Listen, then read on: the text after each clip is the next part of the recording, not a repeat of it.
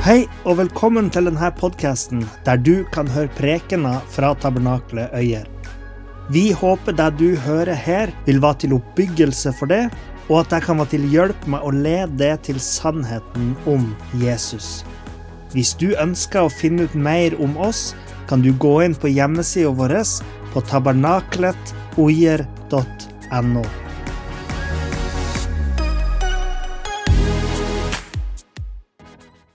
Jeg har lyst til å snakke om sinnsro.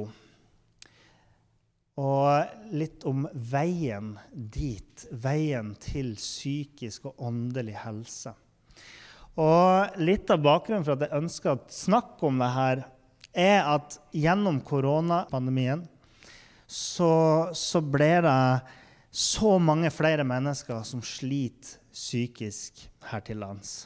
Eh, ikke sant? Det er angst, det er depresjon og det er ensomhet som har økt voldsomt i denne perioden. Og det kan hende at ting har blitt litt bedre nå, eh, men i, i, rundt november 2020 så var én av fire nordmenn misfornøyd med livet. På generell basis så sier Psykologforeninga at omtrent halvparten av befolkninga i Norge får psykiske lidelser eller psykiske plager i løpet av livet. Og man registrerer ei økning i spesielt antall unge mennesker som søker behandling for sånne ting. Og jeg skal ikke komme med liksom, den enkle løsninga for alle psykiske problemer. Fordi noen ganger så kan så kan uh, til og med kristne føle seg nedtrykt. Uh, og noen kan liksom si det så enkelt som at Jesus er svaret. Og det stemmer. Eh, altså, Jesus er svaret på mange ting. Men noen så trenger vi å liksom snakke mer om en ting enn bare å si ja, men Jesus er svaret, og så gidder vi ikke å snakke noe mer om det. Men vi trenger å se litt mer nyansene i ting. Og, og, og så må vi liksom huske på at selv om Jesus er veien til evig liv, så er han ikke svaret på spørsmålet 2 pluss 2, f.eks. Da stryker du på en måte prøven. sånn at det finnes liksom ting som, der vi trenger svar, men noe mer enn bare Jesus er svaret. Og eh, når jeg kommer i samtale da med mennesker som, som har det tungt, og som, som sliter med psykiske ting, så, så, så, kan ikke jeg bare liksom si til dem at Jesus er svaret på dine problemer. Takk for at du kom. Lukker du døra etter det? Det er liksom ikke så enkelt. Sånn er liksom ikke sjelesorgrommet. Uh, og Gud han kan frelse vår sjel fra fortapelsen hvis vi stoler på Han. Uh, og Han kan sette oss fri fra sykdom, han kan sette oss fri fra tungsinn. Han kan gi oss uh, på mirakuløst vi en dyp sinnsro og, og, og sjelsglede som vi bare kan finne hos Han. Men Bibelen oppfordrer òg oss mennesker og oss kristne til å bruke visdom i vårt liv. Og til å, til å eh, liksom ta ansvar, ta grep om livene våre. Og Det er ikke for at vi skal oppnå evig liv gjennom det, men det er for å leve gode og meningsfulle liv her på jorda. Så det er bare Jesus som kan gi oss evig frelse og åpne døren til paradis. ikke sant? Eh, men det er òg noen ting vi kan gjøre for å påvirke hvordan vi har det mens vi er her på jorda. Og Jeg vil sette fokus på det i dag. Sjelelig helse, åndelig velvære. Fordi at jeg ser at det er veldig mange problemer knytta til det her i samfunnet vårt i dag. Og blant kristne så er det nok litt sånn stigmatisert problem òg. Det er liksom ikke gøy å, å, å komme til sine troende søsken og si 'jeg sliter med psyken', nettopp fordi det er så lett å tenke 'ja, men har du ikke Jesus i hjertet'? Jo da. Akkurat slik som en som sliter med kroppen sin, har Jesus i hjertet, så, så kan man òg ha psykiske problemer samtidig som man er en kristen. Så jeg vil bare prøve å komme med noen gode råd for hvordan man kan i hvert fall prøve å forebygge psykiske plager. Ordet 'syke' er jo gresk for sjel. sant? Og jeg tror jo òg at det er en sammenheng med hvordan vi har det i våre sinn og vårt følelsesliv, og hvordan vi har det i vår sjel. Fordi at jeg tror at sjelslivet og åndslivet påvirker kroppen vår og det fysiske. Så derfor så Når jeg leser hvor mange i Norge som har eh, psykiske problemer, så, så, forstår jeg at det samtidig òg sikkert ligger mye åndelige problem bak. Og jeg tror jo det at Jesus er svaret på våre sjelelige lengsler og problemer. Og da snakker jeg ikke bare på, om liksom den, den uh, rasjonelle, intellektuelle troen på at Jesus har stått opp fra de døde, og de her tingene. Men jeg tenker på den frelsende troen. Den, den frelsende troen på at, uh, at, Jesus har frelst oss. Tryggheten, tilliten som vi har i den troen. Det er når vi, når vi får den troen, og Den hellige ånden flytter inn i vårt indre, så er det som en sånn helbredende salve for vår sjel. Og Det er jo oppmuntrende å, å, å, se på studier som sier at hengivne troende har mindre psykiske plager enn andre mennesker. Så hvis du sliter med psykiske ting, har tungsinn og de tingene der, eller kommer til å gjøre det en dag, så husk at hvis du holder det trofast til livet med Gud, så vil faktisk det i seg sjøl være en reell hjelp og en forebyggelse mot den typen plager. Men i dag så tenkte jeg jeg skulle prøve å kombinere litt sånn konvensjonell eller verdslig visdom med bibelsk visdom. Det er jo litt sånn, altså, Sjøl vi kristne vi må jo bare innrømme vi går til legen. Og vi tar imot verdslige råd, altså. Eh, og, og det tenker jeg kan være godt. For det er mye visdom eh, rundt omkring, og mye hjelp å få. Og, og når det gjelder vårt sinn, så kan vi finne visdom der ute som kan hjelpe oss for å forebygge at sjelen eller sinnet skal ha det vondt. Og Jeg tenkte jeg skulle bygge på en rapport, for det var en rapport som den britiske regjeringa eh, slapp for noen år siden, som, som har liksom fem punkter, enkle, greie punkt for hvordan eh, vi kan forebygge, våres, eh, måte, forebygge psykiske problemer i livene våre. Og de her fem stegene eh, involverer da fem enkle måte, handlinger som òg kan, som jeg tror i hvert fall, òg kan hjelpe til å påvirke vårt åndelige velvære. Og Det første steget de peker på, er kontakt.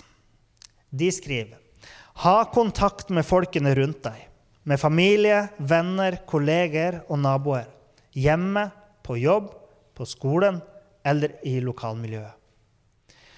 Poenget deres er at sosial kontakt har en betydning for vår psykiske liksom velvære. Og det er helt i tråd tenker jeg, med det Bibelen forteller helt fra begynnelsen av. Gud så at det var ikke godt for Adam å være alene. Gud ønska at mennesket skulle være i relasjon. Ikke bare til han, men òg til andre mennesker. Så vi er jo skapt til å være rasjonelle mennesker. Det tror jo vi kristne på. Og den ultimate relasjonen er jo relasjonen med Gud som Jesus har sørga for at vi kan gå inn i. Eh, og det her har med åndelig helse å gjøre. Eh, og spesielt kritisk for oss troende er jo det at vi har kontakt med Gud og med andre troende.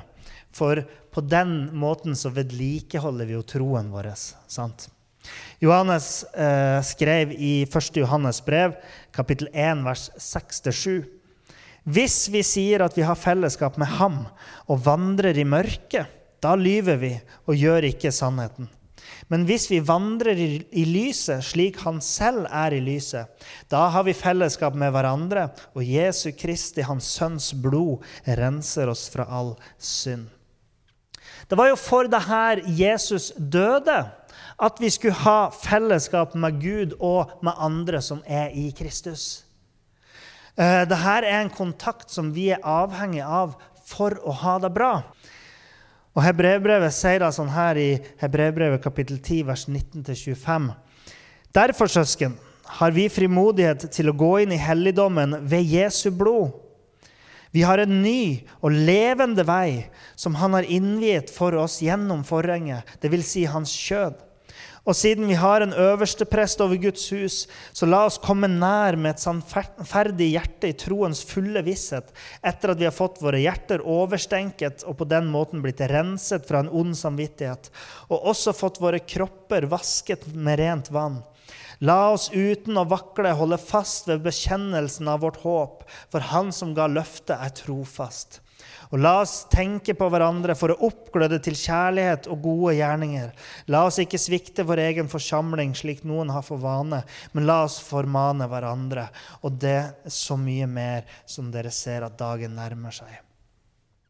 Det, det går liksom i ett de her tingene. Å ha kontakt med andre mennesker rundt oss er bra for oss sjøl òg.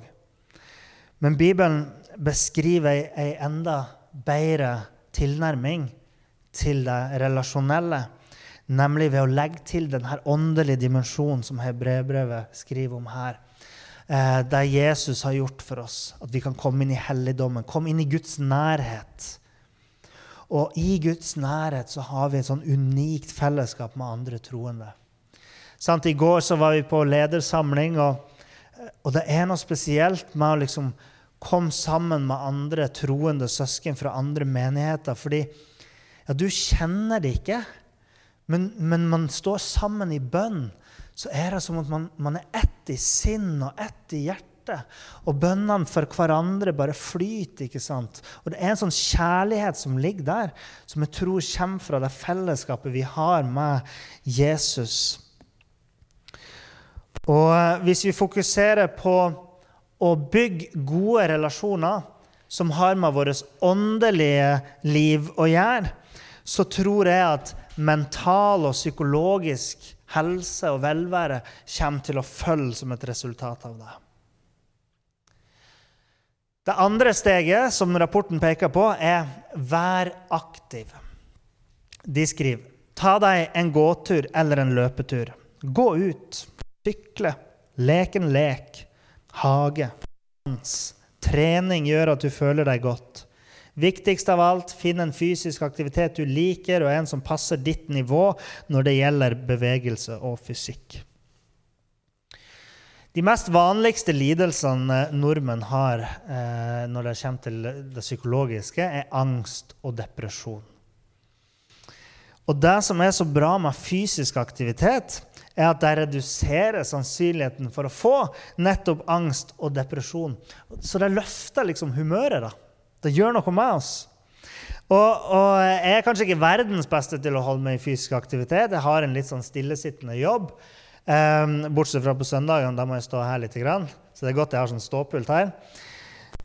Det går litt sånn i perioder der jeg er aktiv og trener. Og, og sånt. Og, og, jeg vet jo at når jeg går inn for å liksom, ja, sette inn et ekstra gir på det med å holde meg i fysisk aktivitet, så kjenner jeg at jeg gir et lite, men merkbart løft i hverdagen. sant? Uh, det, er å, det er jo ikke som å få lykkepiller? Men, men det gir en liten sånn lite sånn løft for sinnet. Så fysisk aktivitet bidrar faktisk til et sunt sinn. Og Bibelen sier ikke så veldig mye direkte om det med trening og fysisk aktivitet, men Paulus sier i hvert fall det her i 1. Timoteus kapittel 4, vers 8. For kroppslig øvelse er nyttig til noe, men gudsfrykt er nyttig til alt, og den har løfte både for det livet som er nå, og for det som skal komme. Akkurat som i forrige steg, der ordinære menneskerelasjoner, helt vanlige vennskap, er nyttig til noe, så er åndelige relasjoner enda mer nyttig. Sant? Paulus sier at fysisk aktivitet er bra, men å være aktiv i Guds relasjon er enda bedre. Jakob kapittel 2 vers 17 sier at, sier at sant, uten gjerninger så er troen død. Og Efeserne 2,10 forteller oss at i Kristus er vi skapt til gode gjerninger. Og akkurat som kroppen er meint til fysisk aktivitet, så er sjelen vår meint for åndelig aktivitet. Og når jeg har eh, vært på trening, eh, f.eks. En, en mandagsmorgen, så, eller i hvert fall den dagen, så kommer det en flokk med litt godt voksne eh, damer som trener sammen. Og, eh, og, så kombinerer de på en måte steg én og steg to. Kontakt og å være aktiv. Eh, så de liksom eh, de, de, liksom tar de to stegene samtidig, så det, det går an, det òg, og det er jo veldig fint.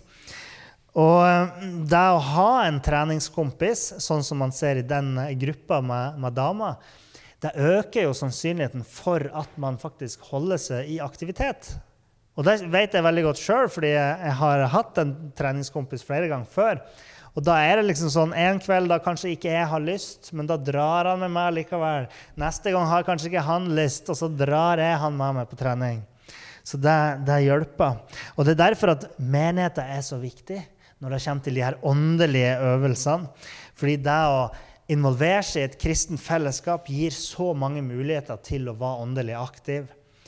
Eh, og til dels fysisk aktiv. Det tredje steget er 'legg merke til'. Og de skriver 'Vær nysgjerrig'. Få et glimt av det vakre. Bemerk det uvanlige. Legg merke til de skiftende sesongene. Ta vare på øyeblikket. Om det er at du går til jobben, spiser lunsj eller snakker med vennene dine. Vær oppmerksom på verden rundt deg og hva du føler. Å reflektere over opplevelsene dine vil hjelpe deg å sette pris på det som betyr noe for deg. Så det å være bevisst på omgivelsene våre og på følelsene våre og på signaler som kroppen sender oss, er selvsagt òg viktig for oss for å forebygge at vi plutselig går på en smell. Og spesielt da å være oppmerksom på våre åndelige omgivelser tror jeg er viktig. Bibelen advarer oss i, i 1. Korinterbrev kapittel 10 vers 12.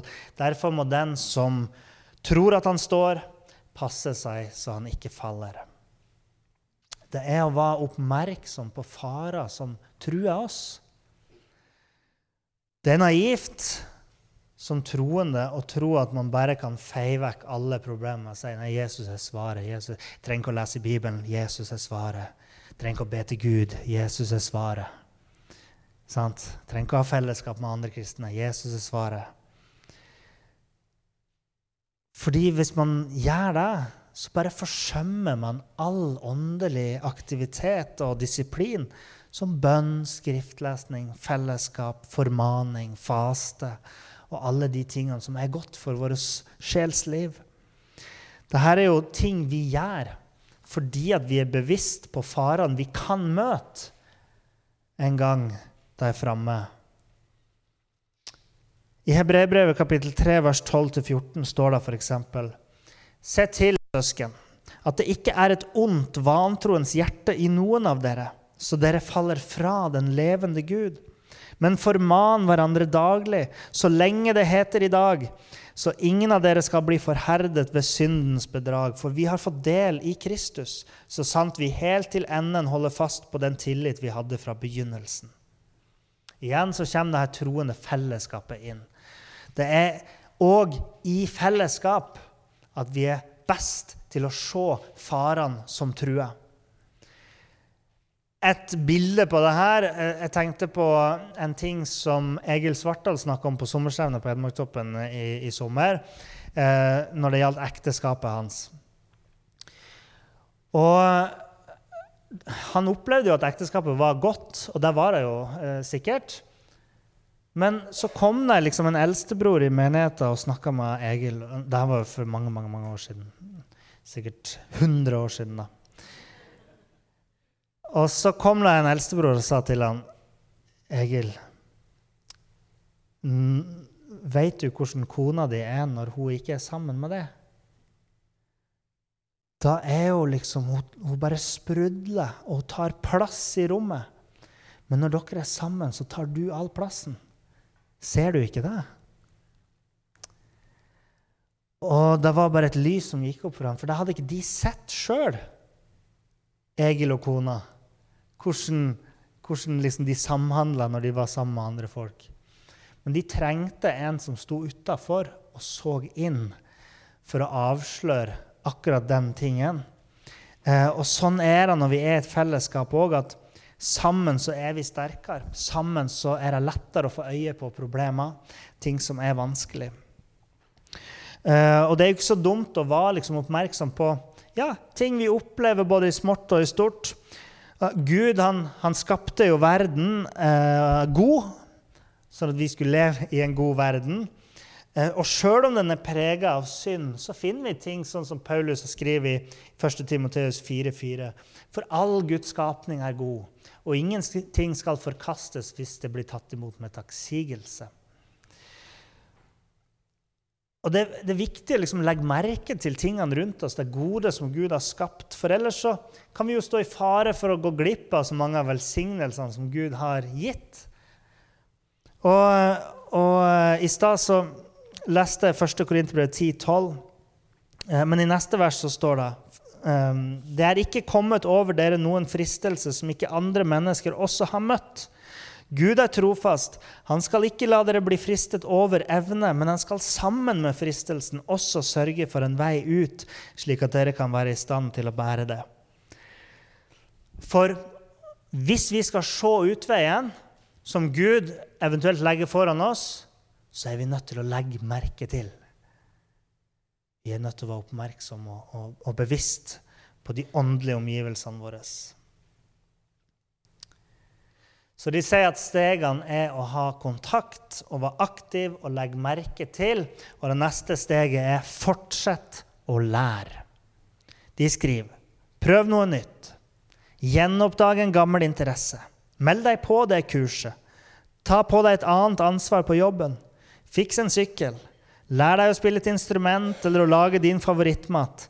Gi deg selv en utfordring som du vil trives med å gjennomføre. Å lære nye ting vil gjøre deg mer selvsikker, så vel som det er gøy. Så prøv noe nytt. Jeg tenker kanskje i første omgang prøv å bli en muslim eller en ateist. Bare for å sprite opp livet ditt litt. Nei da.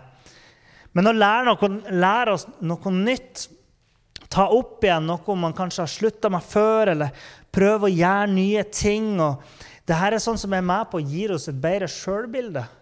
Og bli liksom mer liksom, Føle oss godt med ting vi gjør. Og, og, og da, da, jeg var liten, så elsket jeg å bygge sånne modeller. sånn Modellfly og modellbiler. Noen som har prøvd det? Sånn at du satt og lima sånn plastikkting? Ja, ikke sant? Det er noen som har prøvd det. Og, og så til jul i fjor så tenkte jeg hva skal jeg ønske meg nå når jeg har alt i hele verden? Nei da, jeg tenkte hva skal jeg ønske meg nå når jeg har venner som ikke kjøper dyre ting til meg? Uh, så hvorfor ikke ønske meg en modell? tenkte jeg. Det var jo gøy da, så det er jo sikkert gøy nå. Så jeg fikk en modell til jul. og Jeg har ikke bygd den ennå. Det er ikke fordi jeg ikke gleder meg til, til, å gjøre det, jeg har lyst til å gjøre det, men det er fordi jeg har en kjempestor modell jeg bygger på hele tida. Den heter Hus. Så det er en artig hobby eh, som jeg får lov til å, å bygge litt på. Eh, men jeg ser for meg at hvis jeg bygger den modellen, så er det jo kjekt der og da. ikke sant? Når du setter og holder på. Akkurat som, som hvis man bygger en legemodell, så er det veldig gøy å bygge den. Når du er ferdig, så er det litt sånn uh, Og derfor så tror jeg bare at gleden er litt kortvarig da, med visse ting som vi kan gjøre. Fikse en sykkel. Ja, ja, når du har fiksa sykkelen, så er du ferdig med det. liksom. Hva nå? Uh, derimot, hvis jeg f.eks. har hjulpet en tigger på gata, eller bedt for en person som da opplevde å få bønnesvar, så, så, er liksom, så er liksom den gleden litt større. Den setter litt dypere. Du bærer den deg litt lenger. Så det er mange ting vi kan gjøre, men noen ting tror jeg vil oppleves mer meningsfylt enn andre ting. På den andre sida så oppfordrer Bibelen oss til å utvikle oss, til å vokse. 2. Peters brev, kapittel 3, vers 18 sier Men voks i nåde og kjennskap til vår Herre og Frelser Jesus Kristus. Hebrebrevet snakker om å vokse i kunnskap om læren om Jesus i Hebrebrevet kapittel 6, vers 1. Idet vi nå lar den mer grunnleggende læren om Kristus ligge, skal vi gå videre til det fullkomne og ikke på nytt legge grunnvollen med omvendelse fra døde gjerninger og tro på Gud. Og Paulus han snakker om viktigheten om å lære seg Skriften i 2. Timoteus kapittel 3, vers 16 og 17. Hele Skriften er innåndet av Gud, og den er nyttig til lærdom, til overbevisning, til rettledning og til opplæring i rettferdighet, for at Guds menneske skal bli satt i stand og godt utrustet til all god gjerning. Gjennom bønn, eh, gjennom den direkte og levende relasjonen med Gud, gjennom prekener og undervisning, gjennom lovsang, uh, gjennom å lese i Bibelen, så lærer vi, og vi vokser i troa vår. Uh, og, og, vi vokser i nærhet, eller vi kommer nærmere Gud. på en måte, Lærer mer om hvem han er. Og igjen så er deltakelsen i menigheten viktig for vår mentale og åndelige velvære. Det siste steget som anbefales, er gi. De skriver Gjør noe fint for en venn eller en fremmed. Si takk til noen. Smil. Bruk tiden din til frivillighet. Bli med i en samfunnsgruppe. Se utover så vel som innover. Å se deg selv og din glede i forbindelse med det større samfunnet kan være utrolig givende og skaper kontakter med folkene rundt deg. Hverdagsdisippel. Bygdeblikk. Det er navnet på noen sånne temaserier, prekenserier, som vi har hatt her i menigheten. Og, eh, og det, det steget som det her Foresight-prosjektet peker på her, er på en måte knytta til det vi har undervist om i menigheten her de siste årene. Uh, ting som vi ser på som viktig. Og det vi Ja, så klart altså, De som skriver det her, de fokuserer jo ikke på å dele evangeliet med folk. Um, eller at, liksom, at, det er Guds kjærlighet som skal være grunnlaget for å gjøre gode ting mot andre. Men det jeg kanskje ikke har snakka så mye om her i menigheten, det er jo at det å, å gjøre gode gjerninger mot andre mennesker det å, å, vise godhet mot folk og kjærlighet mot folk og, og smil til folk på, på gata liksom, og, og, den typen ting. Det jeg ikke, har sagt så mye om, i forhold til det, er at det hjelper oss faktisk å ha ei god psykisk helse. Så vel som å, å pleie vår åndelige helse. Altså, Bibelen den, den, formaner oss jo om å vise godhet og, og gjøre gode ting mot andre og, og, og pleie fellesskap og sånne der ting. ikke sant? Men så viser undersøkelser at det her er ikke bare ting som, som er liksom bra å gjøre for den andre, men det er òg med på å styrke vår egen mentale helse. Og nå er det jo viktig å påpeke det at jeg som kristen ikke skal gjøre gode ting eller å tjene Gud eh, fordi at jeg skal tjene noe på det. Men jeg vil at vi først, skal, først og fremst skal gjøre det som en tjeneste for Gud og for vår neste. Men det som er så fint med å leve i tråd med Guds retningslinjer, det er at når vi følger Hans bud, så blir det på en måte ofte til velsignelser for oss sjøl òg. Så, så jeg, jeg, sier ikke 'gå ut og gjør gode ting', fordi da kommer du til å føle det bra. Det er mange predikanter ute i verden som sier det. Gi 1000 kroner i kollekt her i kveld, så skal du få 10 000 kroner. Vel, det er et sånn egoistisk måte, fokus at jeg skal tjene penger på Eller jeg skal, jeg skal, på en måte få så mye ut av det å komme til menigheten. Og jeg tror det er mange som tenker sånn. De, de, de tenker om f.eks. menighetsdeltakelse at jeg føler ikke noe behov for det. Jeg kan lese Bibelen på egen hånd og sånne ting. Men, men så viser på en måte at eh, når vi, når vi, bare gjør det som Gud har sagt, da, når vi bare følger det Bibelen kaller oss til, så blir det velsignelser for oss. Men vi trenger ikke å gjøre det av sånne egoistiske måte, tanker om hva vi skal tjene på det. Men vi kan få lov til å ta imot det Gud gir tilbake, med glede. Så det har liksom denne bivirkninga. At uh, vår uh, psykiske og fysiske helse pleies av å følge Gud sier. Jesus han sa, det står i Apostelens gjerninger 2035, det er saligere å gi enn å få. Når vi gir, så skjer det noe med oss.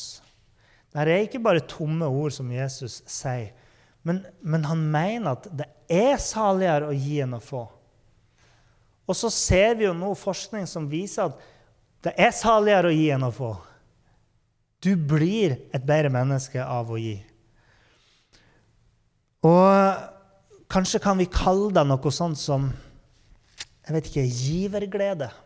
Nå bare finner jeg på helt nye ord her. Giverglede. Når vi gir, så, så, skjer det noe inni oss. Vi får en glede inni oss. Og når vi, når vi lever i Kristus og gir av Kristi kjærlighet til andre, så får vi en giverglede fra Kristus i oss. Gud gleder seg over det vi gjør. sant? Så det er ikke det at vi fokuserer på at vi skal gjøre ting for at jeg skal føle meg vel. Vi gjør det for Gud, for vår neste. Men det er en del av det her å gi, at vi faktisk får noe tilbake for det vi gir. Og Jesus han sa òg i Lukas kapittel 6, vers 38.: Gi, så skal det bli gitt dere. Et godt mål som er presset, ristet sammen og renner over, skal bli lagt i fanget deres. For med det samme mål som dere bruker, skal det måles tilbake til dere. Gi, så skal det bli gitt dere.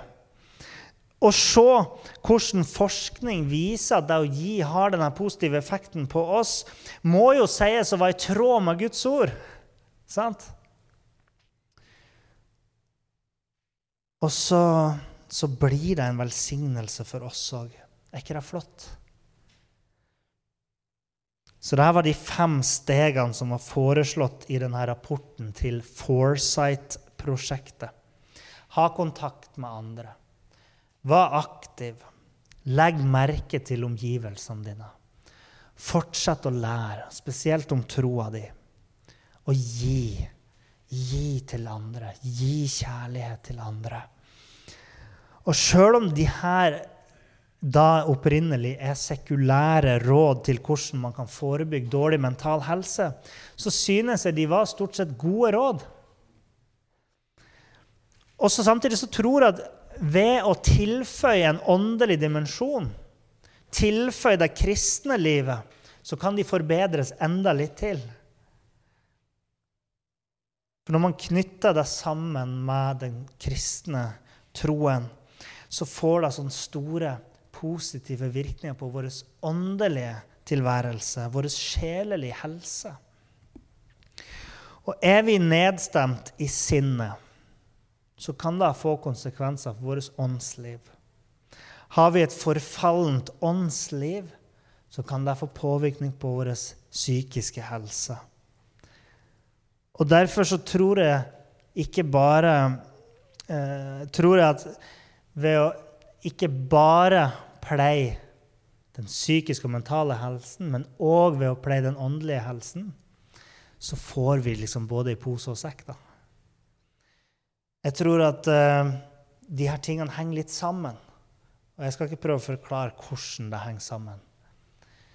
Men jeg tror at, at uh, når man er deprimert, så kan det hende at man, man blir uh, en måte åndelig sett fordi man ikke orker. Det er ikke alle det skjer med, det tror jeg ikke, men noen ganger. Og noen ganger når man er i åndelig uføre, da, så påvirker det gjerne sinnet. Kanskje kommer man til og med borti åndsmakter som er virkelig med på å ta grep om den psykiske helsen og ødelegge oss. Så jeg tror at pleier vi først og fremst den åndelige helsen, så tror jeg den sjelelige helsen, eller nei, den, eh, den, mentale helsen kommer som en følge av det. Så spørsmålet er hvordan unngår jeg dårlig psykisk helse? Jeg tror vi kan svare med de her fem stegene, og så kombinerer vi det med at Jesus er svaret. Vi sier ikke bare 'Jesus er svaret', men vi ja, gir litt mer krydder til det, vi gir litt mer nyanser i det, og så, og så kobler vi det sammen med sånne her gode råd. Noen ganger så krever det jo at vi faktisk utbroderer ting litt. Vi bygger litt på eh, troa vår. Og et eh, liv med Jesus innebærer mange ting. Og er man trofast i sin vandring med Jesus, så tror jeg et sunt åndsliv vil komme som en følge av det. Og har man et sunt åndsliv, så tror jeg at et sunt eh, mentalt liv vil komme som en følge av det. Jesus han sa, 'Kom til meg, alle dere som strever og bærer tunge byrder, og jeg vil gi dere hvile.' Og akkurat som når Jesus sier det, det er saligere å gi enn å få, så tror jeg at når vi kommer til Han, så har Han hvile for oss. Sinnsro. Indre glede. Fullkommen glede kan finnes i Han. Jeg ville bare sette fokus på det her, fordi at det her er ting som skjer i det usynlige. Vi kan ta på oss masker når vi går ut i samfunnet. Vi kan forkle oss slik at folk ikke ser vår mentale helse, vår åndelige helse. Og eh, min oppmuntring er at det finnes ting du kan gjøre for å løfte sinnet ditt, for å finne sinnsro og finne glede, og gjøre livet ditt enklere. Hvis du er en som har det tøft, som har problemer Jesus er svaret.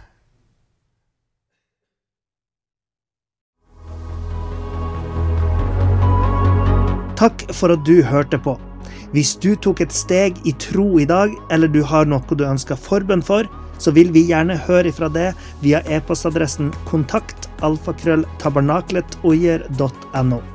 Du er òg velkommen til våre ukentlige gudstjenester i menighetslokalet i Haugskutua 5 26 36 Øyer.